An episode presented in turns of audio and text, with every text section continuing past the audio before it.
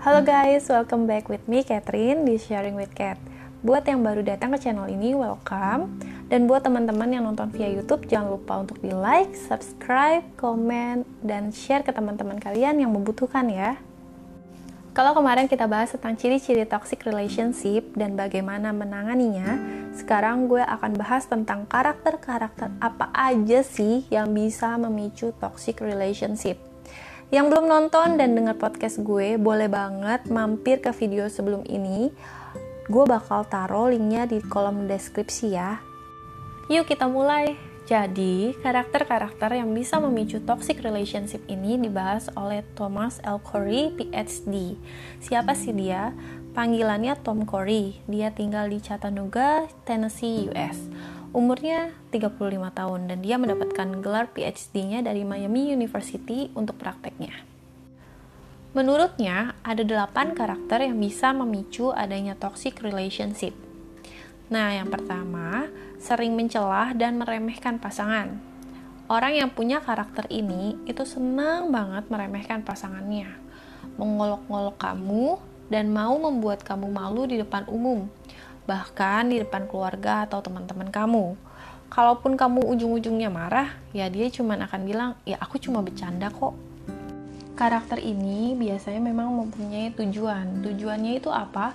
Tujuannya itu lebih ke arah egoisnya dia. Jadi dia lebih menjaga harga dirinya supaya pasangannya itu nggak menentang dia. Nah, jeleknya lagi, karakter ini bisa banget bikin apa pun yang dilakukan sama pasangannya itu nggak berguna atau nggak berarti. Di sini ada nggak efek jangka panjangnya? Ada. Lebih ke arah kamu akan merasa bahwa kamu tidak bisa mengambil keputusan yang baik. Yuk kita lanjut ke nomor 2. Nomor 2 ini apa? Nomor 2 ini bad temper atau temperamen buruk. Ya, pasti kalian gampang banget nemuin karakter ini di lingkungannya kalian which is mungkin di keluarga kalian, teman-teman kalian, bahkan mungkin pasangannya kalian. Karakter yang seperti ini mostly sangat berbahaya. Kenapa? Karena kamu nggak akan tahu orangnya seperti apa kalau kamu tidak dekat sekali sama dia atau jadian sama dia. Misalnya gini, ada si A. Si A ini mempunyai karakter itu, tapi kamu belum tahu. Kamu dekatlah sama dia sebagai teman. Nah, selama menjadi temannya dia dia itu terlihat sangat santai sangat menyenangkan. Bahkan dia itu disukai sama lingkungan pertemanannya karena saking humble dan asiknya orang itu. Nah pas ternyata kalian jadian sama si A dia akan menjadi orang yang karakternya berubah berbeda sama dengan dia dengan teman-temannya. Berubahnya menjadi seperti apa? Ya dia mudah tersulut sama emosi untuk sesuatu yang sepele dan gak penting banget. Udah tersulut, dia akan besar-besarin lah masalah yang sebenarnya gak ada. Udah dibesar-besarin sama dia, dijadiin lagi bahan perdebatan yang serius. Bahkan kalau dia gak suka, dia bisa teriak-teriak, bahkan bisa memaki kamu. Udah gitu, udah karena permasalahan yang gak penting, otomatis dia salah dong karena dia merasa salah dia nggak mau disalahin dia playing victim lah diputer sama dia. Dia akan merasa paling menderita deh dalam sebuah hubungan itu. Efek jangka panjangnya ada nggak sih? Ada. Efek jangka panjangnya itu lebih ke beban emosional yang dirasakan sama pasangannya ini. Dan bahkan bisa mengganggu kesehatan mentalnya. Seperti yang aku kasih tahu di podcast aku sebelumnya, kalau udah mengenai kesehatan mental itu tuh paling susah. Karena treatmentnya beda karena kamu nggak tahu lukanya itu udah sembuh atau belum. Karena rata-rata yang namanya luka di mental atau kesehatan mentalnya terganggu itu tuh lebih bisa banget ke arah trauma. Dan kasihan banget gitu.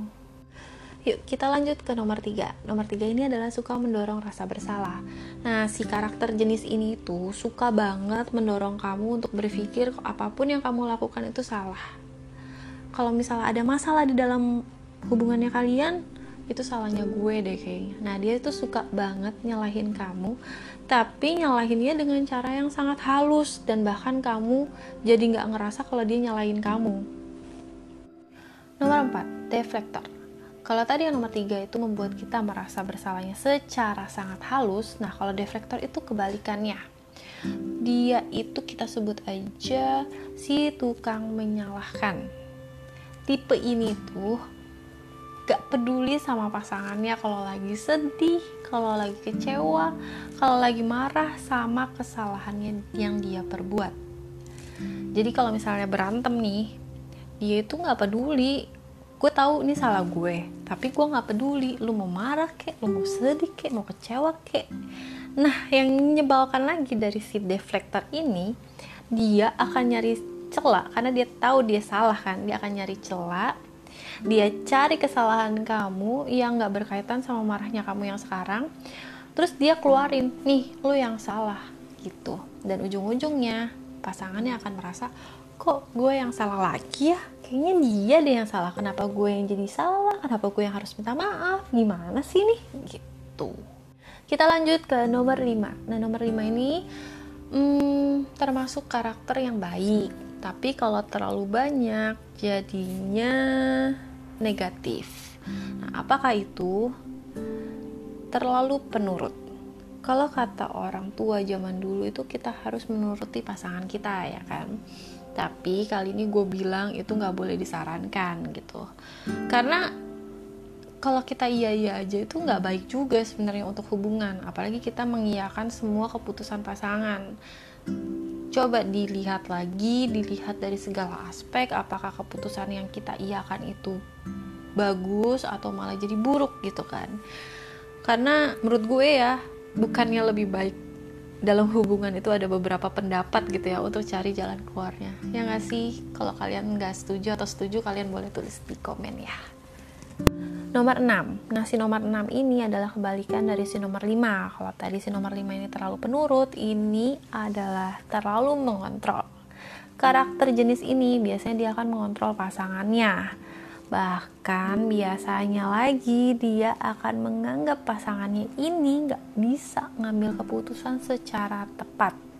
Jadi dia akan terus ngatur urusan kamu, hidup kamu, terus mau itu urusan keluarga, urusan pekerjaan kamu, bahkan persahabatannya kamu. Oh hidup kamu itu akan dikontrol sama dia semuanya.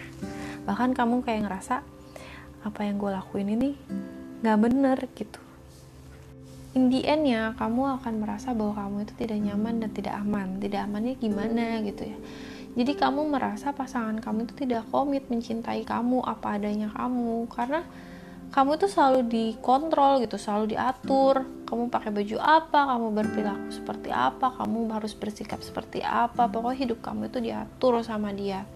Dan kamu jadi merasa kalau yang namanya sayang dan cinta itu tidak bakalan yang namanya diatur-atur, dikontrol-kontrol, pasti pasangan itu akan percaya padanya sama pasangannya dia gitu kan.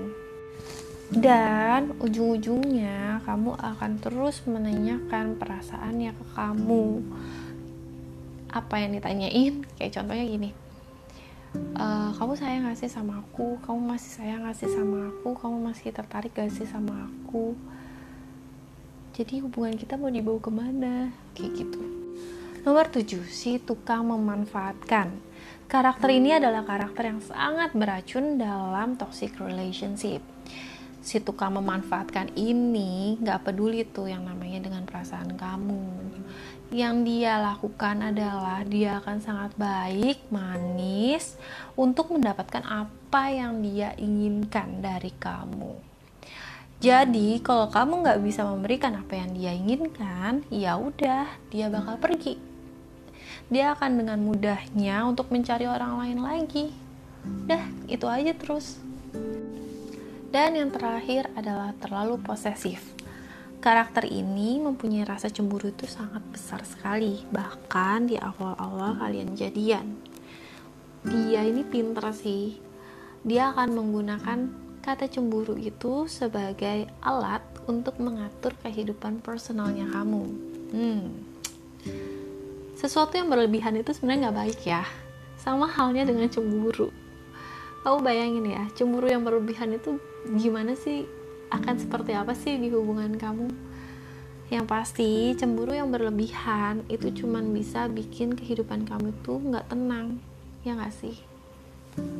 Nah, Tadi 8 karakter yang bisa membuat hubungan kalian menjadi toxic relationship. Apa sih pesan yang bisa kamu ambil? Yang gue ambil adalah sebelum kamu memulai hubungan yang baru, pastikan diri kamu itu siap dan sehat secara mental untuk suatu hubungan. Jangan membawa kepahitan-kepahitan kamu yang sebelum-sebelumnya dan berharap pasangan kamu yang baru ini bisa membantu dan mengobati rasa pahit itu. Jadi selesaikan dulu diri kamu, pulihkan diri kamu sendiri, baru masuk ke sebuah hubungan yang baru. Nah, kira-kira itu aja ya sharing kita kali ini.